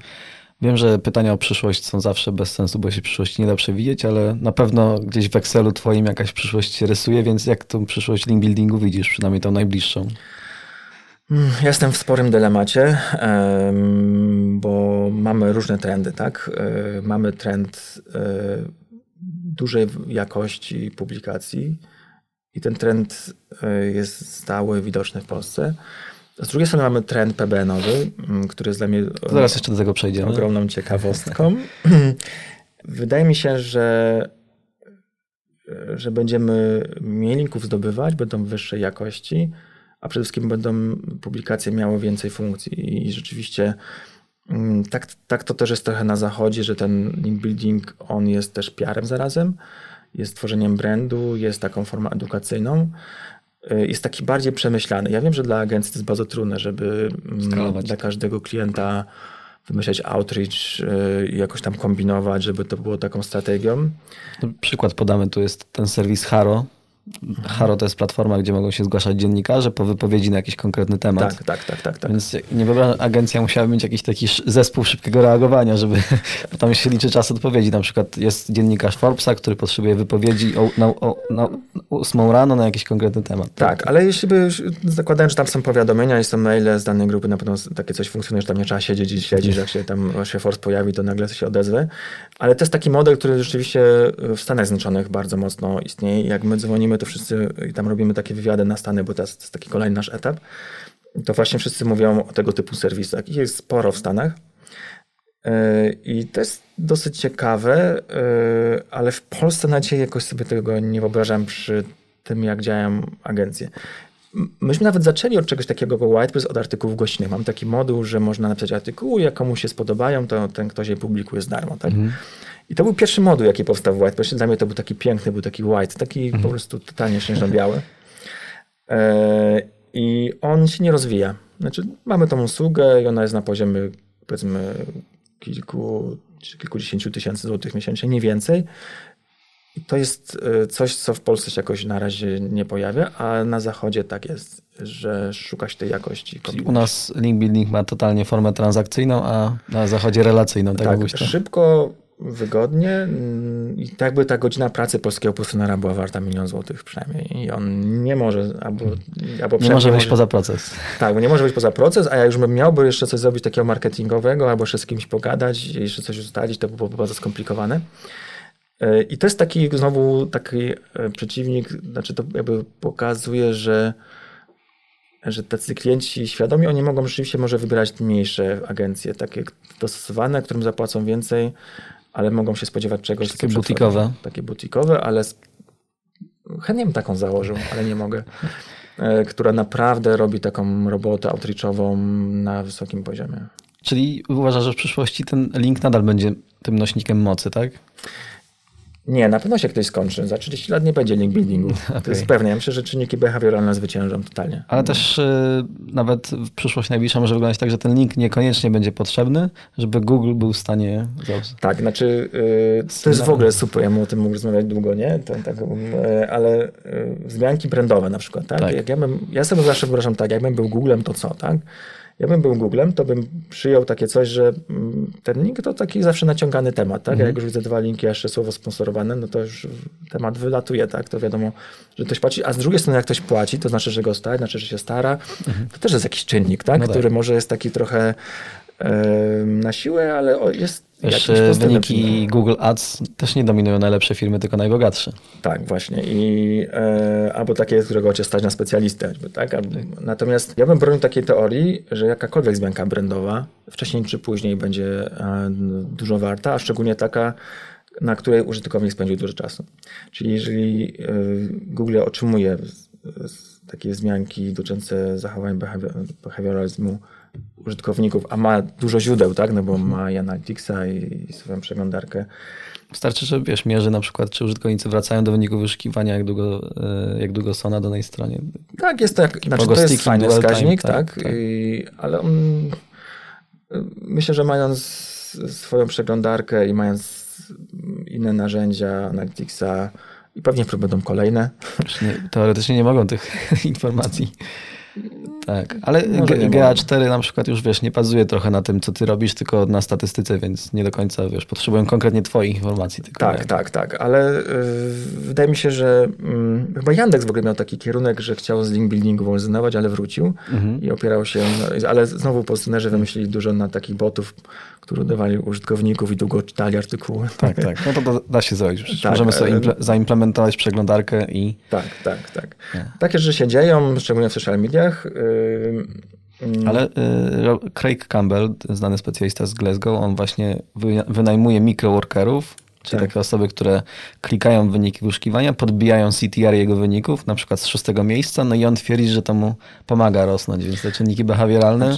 Znaczy, to jest taki bardzo prosty czynnik, który chyba, jak jeszcze Wirtualna Polska korzystała z NetSprintu, to tam był na pewno taki czynnik, Mhm. że się w ten sposób, bo myśmy tak postępowali 20 lat temu, żebyśmy mieli system, który klikał i, automat to akurat był, nie było, nie było wtedy e, korzystania z ludzi, bo to było za dużo pracy, ale e, wydaje mi się, że te czynniki będą bardziej inteligentne. Mhm. Ja jestem w ogóle takim orędownikiem tego, że na przykład e, zmianki social mediowe mają znaczenie, albo będą miały znaczenie. Mhm. W ogóle uważam, że Facebook powinien się dogadać z Googlem i sobie wymieniać informacje na temat tego, e, co jest ile warte. I, No to by wtedy mogłoby już dla społeczeństwa nie być zbyt dobre. I dla biznesu światowego w ogóle. Już teraz mamy ten świat zdominowany przez tą wielką czwórkę i w zasadzie wszyscy jesteśmy tylko Niech oni w tym wszystkim konkurują. pasożytami na... Ale żeby to miało wpłynąć na jakość internetu i na to, żeby mm, gdzieś te zachowania na przykład pozycjonerów dążyły do, do tworzenia dobrych rzeczy. Trzeba przyznać, że jednak y, na przestrzeni lat ta ilość dobrych rzeczy ze stron pozycjonerów ma, mocno wzrosła, tak? Jakby coraz mniej No, jak, złych. wystarczy się cofnąć te, te 10 lat do tyłu i zobaczyć, co się działo na, y, nie wiem, komentarzach, tak? I Tak, te tak. komentarze dalej są. Albo jak była tam księga gości zawsze na stronie, to było w ogóle takie ciekawe. Te księgi gości tak przez pierwsze trzy dni był spokój zawsze, a potem nagle, o, jak jestem popularny, a tam takie linki do, do. Katalogi, tak, tak, Tak, masowo tak, stawiane na subdomenach. No, E, To to na szczęście się już kończy i to jest super. Ja mam nadzieję na przykład, że... P... A, to PBN jeszcze nie mogę mówić, nic. Dobra, to idźmy dalej. To jest właśnie mój kolejny punkt, bo już wspomniałeś o PBN-ach.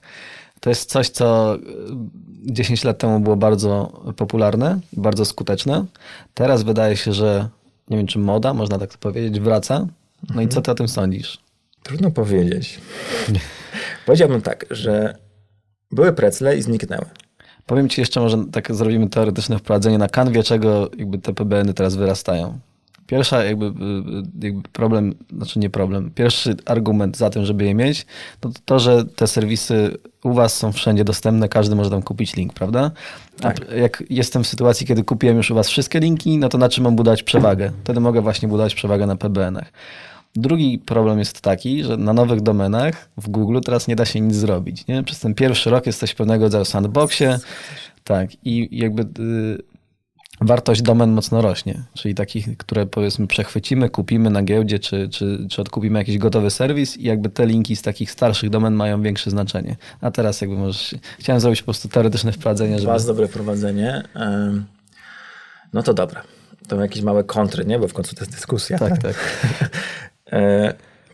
Nie, nie pamiętam, ile mamy w Polsce serwisów, ale powiedzmy 15 tysięcy, może 20. Tak przestałem to trochę śledzić. Ja stanąłem na 13,5 tysiąca. E, No to może być 13. Mm, I myślę, że podobną liczbę publikacji miesięcznie. To znaczy, że średnio, średnio na jednym serwisie mamy jedną publikację miesięcznie.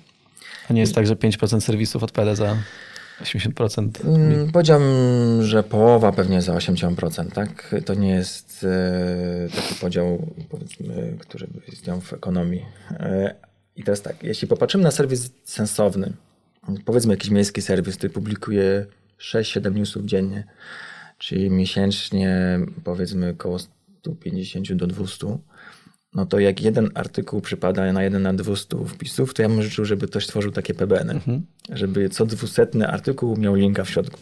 Oczywiście w tym, w tej całej statystyce jest sporo zakłamań, znaczy zakon takiego naciągania, ale statystycznie tak to wygląda. Więc jeśli mamy dobre serwisy i zakładamy, że wszystko przechodzi przez White Sabot, że pierwsze oszustwo, bo nie wszystko, tylko powiedzmy co drugi, e, no to mm, tam co setny powiedzmy artykuł w porządnym serwisie powinien być z WordPressa, a 99 powinno być autorskimi serwisami redakcyjnymi. Więc to nie jest argument dla mnie. W tym argumencie znowu ty oszukałeś trochę, trochę bo powiedziałeś, że jak jestem na jakimś serwisie, mam jednego linka, to już drugi nie za bardzo. No ja uważam, że właśnie nie ma nic przeciwko temu, żeby były dwa linki albo jeden na rok, bo i tak ten stary roczny link, on jest tak głęboko, że już niewiele daje, więc dodanie drugiego świeżego jeszcze z podlinkowania tego poprzedniego artykułu jest całkiem niezłą strategią. Po trzecie, myślę, że dziennie dochodzi u nas 10 serwisów w Polsce przynajmniej, więc jak ktoś tam, czyli średnio na jedną kategorię pół, tygodniowo pięć, więc zawsze coś tam można znaleźć. I nie poszedłem, nie, w ogóle nie, nie uważam, że to jest ten kierunek. Yy, Myślę, że decyduje ekonomia, bo jeżeli mamy agencję, która ma 300 klientów yy, i stworzy sobie 300 serwisów w swojej sieci prywatnej, no to koszt publikacji yy, z czasem dąży do zera, tak? No bo utrzymanie serwisu ym, nie jest drogie. Początek trzeba go stworzyć, A teraz, zaku- teraz to już nie jest takie tanie. Zakup domeny powiedzmy Ale to jest 1000 jednorazowy złotych. koszt, ale No powiedzmy tak. patrząc w nieskończoność, to tam na pewno spada, tak? Skala tak. Tak, przy Skala skalowaniu koszt publikacji spada, pewnie tam i tak wynosi pewnie 50, 40, 30 zł, ale jest to dużo taniej niż e, publikacja e, na zewnątrz i ja bardzo to rozumiem, dlaczego takie coś jest. Rozumiem pod względem biznesowym, rozumiem mm, ekonomicznym, też bardzo dużej wygody publikacji, no bo można to zautomatyzować od A do Z. Mam tako, taką ogromną nadzieję, że mm, te sieci będą dążyły do tego, żeby te publikacje w tych PBN-ach były takie, że się nie można ich wstydzić.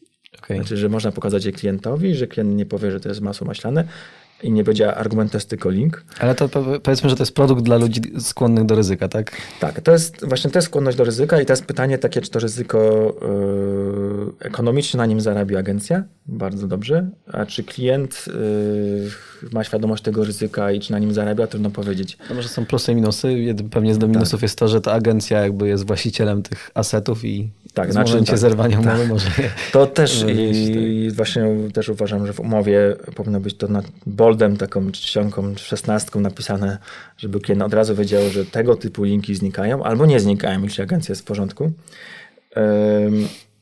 Myślę, że jest jakaś przyszłość, znaczy jest przyszłość PBN-ów, jest moda. Myślę, że to musi być efektywne. No, wiele osób sobie to chwali yy, i my jako WordPress też na tym zarabiamy, bo dobre serwisy i blogi w końcu do nas też trafiają, yy, bo każdy chce monetyzować ten swój wysiłek, więc mm, poczekajmy, sprawdźmy. może to pójdzie w takim kierunku, że z tych PBN-ów się zrobią wirtualne Polski. Na razie e, jaki efekt? Widzę, że wartość domen pięciokrotnie urosła. Takich, e, Tak, to, to w ogóle ten moment, miałem taki moment dwa lata temu, że kupowałem domeny, bo miałem taki, że się strasznie napaliłem na to, żeby wzmocnić serwis aplikuj.pl i pomyślałem sobie, że kupię domeny dla 301, a Mhm. tam robię przeciwko zaplecz, to już jestem dosyć dawno, od kiedy mnie tam pingwin załatwił. I miałem takie chyba trzy miesiące, że tak wszedłem w ten biznes troszkę i tak widziałem właśnie, yy, że ten rynek jest bardzo rozbudowany, yy, dynamiczny, na pewno rośnie, ale nie, nie rozumiem tego, że Google to widzi, tak? Google widzi, że jest serwis, potem on znika. Zwykle nikt się nie stara, żeby go odbudować identycznie, tak? No bo ja rozumiem coś takiego, że jest jakiś adres i Teraz ktoś już to- zapomniał Teraz tak? są narzędzia takie jak. Archivarix. Tak, to, tak, tak. To ja to rozumiem, ale mało kto tego to, tak to, w- funkcjonuje, tak? Jakby ludzie robią zupełnie inne treści, inną strukturę URL-ową i często na inny temat, tak? I to jest dla mnie już troszkę niefajne. Ale to, to wiesz, to jest przykład Play.pl, gdzie kiedyś tam był serwis z grami, a potem kupiła go telefonia, więc jakby to nie są takie przypadki, które nie występują Mm. w naturze, więc Yy, Okej, są, tylko pytanie, czy w takim razie przenosić tą poprzednią siłę, jak to jest zupełnie co innego, jaki to ma sens? Jak No, ja no. bym był Googlem, bym tego nie przenosił. Jak się, zawsze sobie zadaję pytanie, jak ja bym był Googlem, czy w ogóle taką domenę, jak ktoś zmienia tematykę, bym brał pod uwagę ten poprzedni e, profil linku. Ja bym go odciął. Okej. E, Nie wiem, czy Google go odcina. Raczej nie odcina, no bo nie, tego rynku by nie było, ale myślę, że coś tam bierze pod uwagę. A jak ktoś się strasznie wyskaluje, no to będzie pobrał pod uwagę mm, bardziej. I myślę, że to będzie taka gra w kotka i myszkę, no bo yy, porządne przejęcie takiej domeny, no to najlepiej byłoby tak, żeby właśnie tą strukturę zachować, przyjąć przynajmniej pr- tą główną strukturę i tematykę i wtedy uważam, że sukces jest blisko. A najlepszym rozwiązaniem według mnie jest takie coś, że polujemy na serwisy, które ktoś olał, ale jeszcze istnieją i kupujemy i są takie osoby, zresztą wystarczy takie ogłoszenie na jakiekolwiek forum, a mam taki serwis, 5000 weź, muszę się go pozbyć, no to tych chętnych jest dużo i to jest według mnie super. Tylko takich serwisów w zasadzie nie ma. W Polsce masz takich transakcji bardzo mało. Patrząc na liczbę, ja myślę, że średnich, malutkich jest dużo. Yy, tylko, że ludzie czekają na tę okazję, a znów bym ja, mógł, ja z, zrobił agencję, to po prostu poszedł bardziej aktywnie, zrobił dział handlowy, który by odzwonił wszystkich, Kupował, tak. wszystkie serwisy w Polsce i po prostu je wyceniał, czy coś takiego. Yy, więc jak ktoś by był aktywny, tutaj może ugrać bardzo dużo. No to jest ciekawe, ale też tak mówiłeś o skalowaniu PBN-ów, to też nie jest takie proste. Jak teraz wchodzisz w ten świat PBN-ów, kupowanie domen, to, to nie jest taka skala, e, że możesz sobie ich kupować dziesiątki miesięcznie. To są raczej... Myślę, że to nie jest proste i to, że to nie jest proste też jest fajne, bo jak ktoś już to zrobi dobrze i ma pewną skalę i potrafi to robić efektywnie, no to może ugrać coś i może na tym zrobić dobry interes. Jeszcze, jed, jeszcze z jednej strony cię zaczepię. Dawaj. Jak masz super konkurencyjną branżę, powiedzmy CBD, to wydaje ci się, że bazując tylko na publikacjach możemy tam walczyć o topy, czy wtedy musimy jakby dywersyfikować te źródła? Ja bym w ogóle zawsze dywersyfikował, tak? Yy, Zdecydowanie, no jeszcze masz taką branżę, która jest trochę mm, dyskusyjna, tak? No bo nie każdy serwis będzie te tematy chciał poruszać, tak? A serwisów branżowych na ten temat jest mało, tak? No myślę, że parę.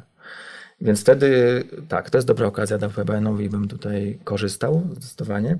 Tym bardziej, że to jest taka branża tak konkurencyjna, że ryzyko jest Wpisane w nią. wpisane, to i w ogóle nie mam wątpliwości, że to jest dobry kierunek wtedy. Okej, super. To zatrzymajmy się na Polsce. E, Chciałem się teraz, żebyś trochę podzielił się z nami doświadczeniami z zagranicy, bazując już trochę na tym, e, że White Press jest i w Turcji, i w kilku innych rynkach.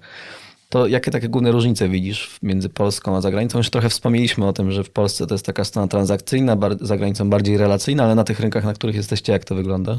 To bardzo zależy od rynków. E, Takie pierwsze cztery rynki, na których starczyliśmy, czyli Węgry, e, Rumunia, Czechy, Słowacja, e, było zupełnie inaczej niż jest teraz w tych rynkach zachodnich, bo teraz głównie się skupiamy na nie wiem, Francji, Niemczech, Hiszpanii, Włochach, Włoszech, czy krajach skandynawskich. Więc w tych krajach takich e, powiedzmy mniejszych i mniej dojrzałych często spotykaliśmy się z wydawcy, w ogóle nie rozumieli o co nam chodzi. I w ogóle, jak to jest możliwe, że ktoś, wystarczy się zarejestrować i ktoś u nich zamówi, że w ogóle od dostaną pieniądze, duża nieufność i strasznie dużo wysiłku, bo wysiłku edukacyjnego. Ale jeśli ten wydawca wchodził do systemu, to zwykle dawał bardzo dobre ceny i jest lojalny. Znaczy docenia bardzo, to jest e, e, istotny element jego zarobku. strona podażowa jakby jest... Tak, jest, ale ja już wolę dojrzały rynek, Okej. y, bo nie trzeba edukować. Edukacja jest czasochłonna i, i trwa, i ta rejestracja czasami trwa parę dni albo tygodni, zanim ktoś uwierzy. Na zachodzie jest tak, że mm, jak się do kogoś zgłaszamy, no to jest kilka problemów. Pierwszym to jest zaufanie. Y, Bo na zachodzie, wbrew pozorom, jest dużo konkurencji, powiedzmy, dla white tego typu platform, ale nie są one jakoś strasznie popularne, a na pewno nie są takie rozbudowane. E, Dzięki temu, że mamy mocną konkurencję, zresztą pozdrawiam, doceniam. W Polsce myśmy się bardzo napędzili też pod względem jakościowym. Mamy naprawdę fajne te serwisy, te platformy i ja się nie spotkałem na zachodzie z platformą, która była tak rozbudowana jak WordPress. I dla e, wydawców zagranicznych na przykład to, że może wstać kilka ofert i tam na przykład zamieścić, że tweet jest w tym wszystkim, a jeszcze coś tam, jeszcze coś tam, to jest dla nich trochę dziwne ale rozumieją to i są bardzo rzeczowi, szybcy ym, i to działa. Znaczy, nie wiem, jakoś jak już zaufają, to działa. Jedyne co, to mówią tak, y, no tak, ale no follow, a do follow razy trzy. Okej. Więc y, jest bardzo jasna taka obawa i wplecione ryzyko, że to ryzyko trzeba zapłacić. A jeszcze ten parametr nowy Google'a, URL sponsored, to jakoś to to ja myślę, że to umarło. Okej, umarło, tak. W Polsce to już y, były okresy, że duże serwisy chciały to wymuszać, jakoś to nie weszło. W Polsce Bo- nie spodziewałbym się, żeby to przeszło. E, Bo to e, wiąże się z, jakby z cechą, której Polacy nie mają. Tak, tak, przekora, tak chyba Tak, głównie. Co ty mi będziesz nakazywał? Ale, w zagra, ale w zachodzie odczułeś to jakoś, czy nie? Nie, nie, okej. znaczy yy, nie jest coś, co by to było wymagane albo nagminne, że taki parametr się przyjmuje. E, oczywiście mamy to wplecione teraz w system, że jest taka możliwość jako, jako trzecia, natomiast y, nie, jest, nie działa to w ten Ta, sposób. ta strona podażowa, ta strona popytowa, bo powiem Ci, że jak rozmawiałem z, na przykład z, z takim Paweł Ungrem z Czech, taki Mhm. popularny specjalista SEO, jak trochę mówiłem o WordPressie, to on jakby, by, chyba też z nim współpracowaliście, że u nich czegoś takiego się nie robi. Tak, w ogóle na zachodzie jest tak. My nie mamy link buildingu. Podstawowy komunikat. Nie ma link buildingu, ale jak już pogadasz dużo, a szczególnie w Stanach, outreach, tak, e, jakiś taki mm, relacje PR-owe i tyle, tyle wszyscy powiedzą. A prawda jest taka, że ten rynek jest ogromny. Okej. I wszyscy rob, robią link building i jak już agencja zaczyna z nas korzystać, ta zagraniczna, to korzysta w, tak samo jak w Polsce. Okej, czyli to tylko taki ko- komunikat To jest na taki komunikat trochę, to jest tak, znaczy, on, znaczy tak, Zachód te publikacje robi rzeczywiście, tam nie ma linków matchowy. Mm, Po prostu Okej. w ogóle to już nikt sobie nie pozwala, jest brandowy, jest przy współpracy, jest to jasno napisane, jest zaznaczone. Zależy też od tych kwestii ustawodawczych, bo one są też bardzo różne w różnych krajach. Ale ludzie mają dużo mniejszą skłonność do ryzyka niż w Polsce, Mhm. no, co jest trochę zrozumiałe z różnych historycznych i takich e, natural, natury Polaków. A na pewno komunikacyjnie wszyscy mówią, że nie ma, a jest. I jest. A jeszcze jest inna rzecz, na zachodzie funkcjonuje mnóstwo Exceli e, z Tak. setkami tysięcy PBN-ów i serwisów, które lądują przez ośmiu pośredników i nikt nie wie tak naprawdę, kto jest na końcu albo w środku. To z tym się E, spotkałem. Tak, i myśmy na początku strasznie się cieszyli, bo dostaliśmy na przykład Excela o 10 tysięcy serwisów, na przykład na Francję. No to mamy super.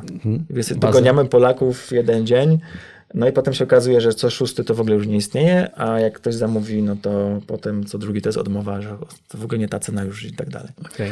Więc yy, przyjęliśmy, że kontaktujemy się bezpośrednio z wydawcami. A spotkałeś się gdzieś za granicą z, z rynkiem totalnie takim samym jak Polska, że tak samo się robiło link building, tak samo się o tym mówiło i Nie, okej. nie, znaczy i, i też. A to muszę się- Polska jest inna, czy każdy kraj jest y, inny, a nie, a Myślę, nie, że nie Polska jest inna od wszystkich razem? najlepsza pod każdym względem. Znaczy jesteśmy naprawdę e, mocni w SEO. Na pewno jesteśmy bardzo odważni w SEO, na pewno e, techniczni i mało relacyjni. To, co powiedziałeś, to fajnie to, to fajnie to powiedziałeś, że mało relacyjni. E, Ja też muszę się przyznać, że ja nie mam bardzo dobrego kontaktu z tymi zagranicznymi, bo zarządzam spółką i od rynek zagraniczny jest Okej. odpowiedzialny Tomek Domański, który jest jakby tego trochę bliżej. Ja szczerze mówiąc, to rozmawiałem może z paroma wydawcami. I to, co do mnie dochodzi, to już jest taka plotka. To, to, jest, że To, co do mnie doszło od Pawła Ungra, tak? tak, tak, to jest, no, ale, ale tak patrząc na te problemy i to, co na spotkaniach rozmawiamy, to rzeczywiście to wygląda tak, że ten rynek jest zdecydowanie bardziej zachowawczy pod względem komunikacji. Okej. A czy jest droższy? Tak, znaczy tak i nie. E, Ja nie wiem, co będzie, jak będzie ten wywiad puszczony, ale jeśli będzie jeszcze um, jakiś um, możliwość pomocy Ukrainie, no to e, linki na Ukrainie są dużo tańsze. A już przy tym kursie to już w ogóle, więc zachęcam. E, I e, jest kilku seowców, którzy uważają, że są równie efektywne jak linki z Polski. Na przykład Robert taki coś mm, promuje taką, taką wiedzę. E, Ale mm, szczególnie na zachodzie, no to link building, no to przynajmniej trzeba pomnożyć przez 4-5 taki koszt. I tam nawet na PBN-ie, na PBN-ach tam 100 euro. A ilość? Bo to też jest ważne. Może być, mogą być droższe, ale dodają mniej, więc... Mniej, ja myślę, że mniej. Myślę, że bardzo dbają o każdy link, tak jakby pieszczą go. Okej. Każdy zas- ile tak. proporcjonalnie więcej budżetu byś potrzebował na to samo działanie? E, tak miał. Myślę, że zależy od kraju. To trzeba by policzyć siłę nabywczą danej waluty e, i danego kraju, ale mm, od 3 do 5 razy więcej. Na pewno. Chociaż trzeba powiedzieć, że wtedy też można zarobić więcej oczywiście. Wielu moich kolegów, Tak. nie radząc sobie w afiliacji w Polsce, radzi sobie świetnie za granicą, chociażby we Włoszech. Tak, znaczy, tak, Włochy w ogóle to, są, to jest dobry rynek, e, bo mm, jest mało konkurencyjny pod względem SEO, a z drugiej strony jest dużo wydawców i tam nie ma takiego bezpośredniego gracza mocnego.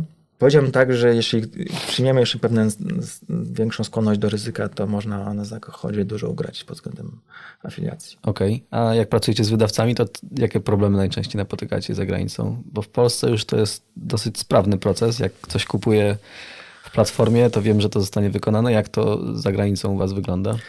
Jeżeli chodzi o tą, taki blog, nazwijmy to wschodni, czyli taki, od którego zaczęliśmy, no to mm, oni się rejestrują i my dopiero tak po trzech miesiącach puszczamy zwykle platformę, no bo najpierw musimy zbierać 500 do 1000 wydawców.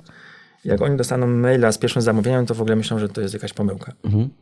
Chociaż tam jest kwota, e, jest dużo informacji, które by wskazywało na to, że to jest sensowne, więc e, zwykle na początku nie reagują i trzeba ich pogonić, ale bardzo szybko się uczą i to jest ok. Mieliśmy ogromny problem z pośrednikami, to znaczy na początku przyjęliśmy, że możemy przyjmować portal od pośredników, ale mieliśmy duży problem z, z tym, że nie była zachowana cena, albo do tej publikacji nie doszło z bardzo różnych powodów, nad którymi nie panowaliśmy, więc y, bezpośrednio się kontaktujemy z wydawcami, a to znowu wymaga zbudowania zaufania, więc ten proces jest bardziej czasochłonny. Na pewno wymaga tego, żeby to robić jako native. Ym, Ci wydawcy, to jest dla nich taki temat trochę, nie chcę powiedzieć śliski, tak, ale taki relacyjny. Jak ktoś dzwoni i mówi powiedzmy łamaną angielszczyzną w, w Holandii, no to jest mniejsza szansa niż, niż jak y, ktoś tam... Macie taki model, że tam otwieracie swoje lokalne jednostki, tak? Tak, znaczy y, my do tej, do tej ekspansji podeszliśmy w taki sposób specyficzny, trochę chyba inny niż większość startupów w Polsce. Znaczy przyjęliśmy, że w każdym z krajów tworzymy zespół. Y, Ten zespół częściowo przynajmniej jest y, z native'ów. Y, Często jest tak, wiele krajów mamy z 8 biur teraz, że tworzymy te biura. E, Tworzymy spółki, to znowu ze względów podatkowych i braku podwójnego podatkowania podatkiem dochodowym. E, Wewnątrz Unii chyba to nie.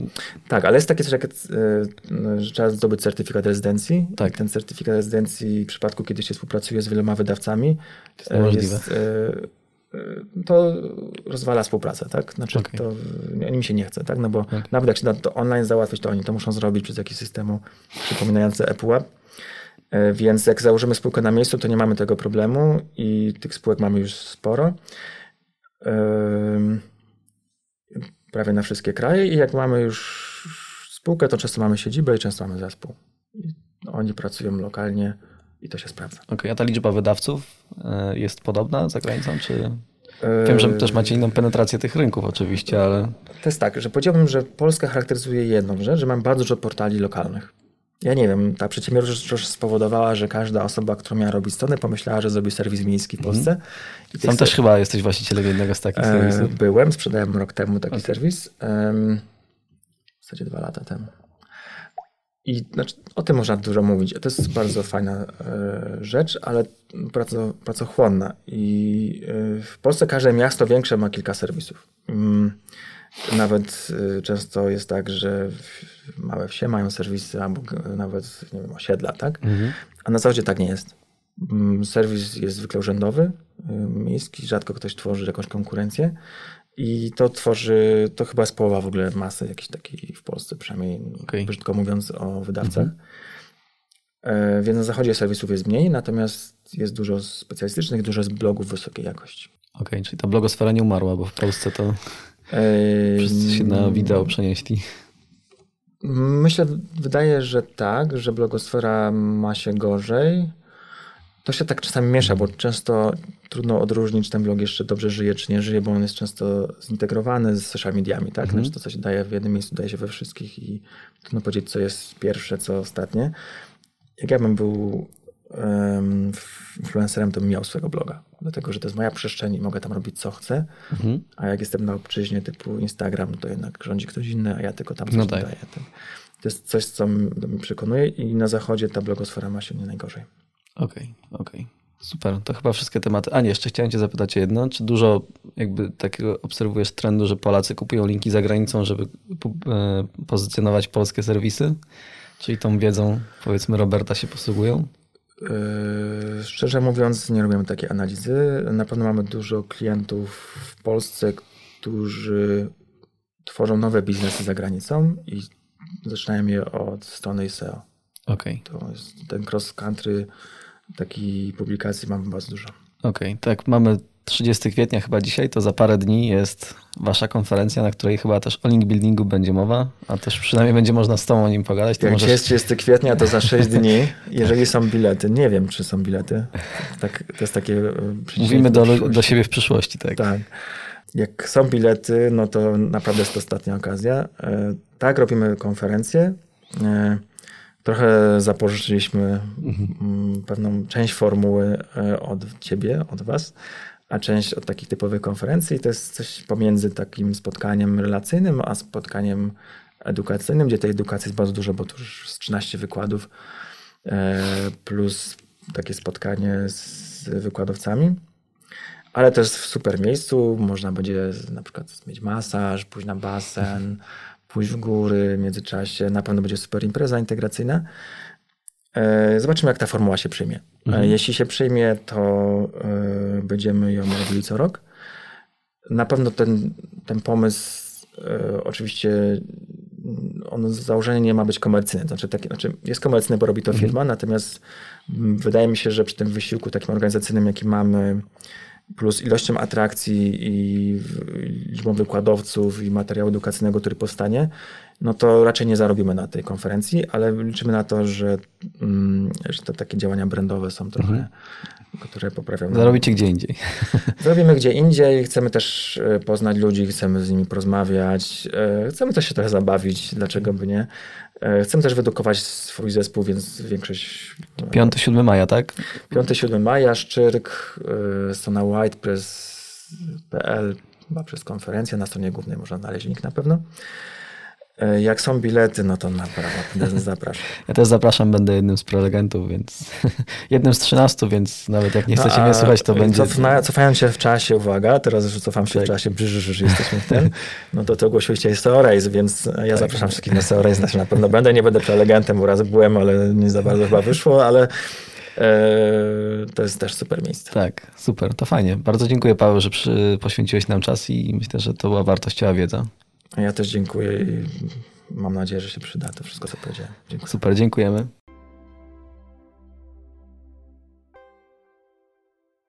Mam nadzieję, że rozmowa z Pawłem Ci się spodobała. Jeśli tak było, zostaw lajka lub komentarz. Motywuje nas to do naszego nagrywania. I już teraz zapraszam Cię do kolejnego odcinka, który ukaże się już za dwa tygodnie w czwartek. Moim gościem będzie Tomasz Jeska. Będziemy rozmawiać o PBN-ach.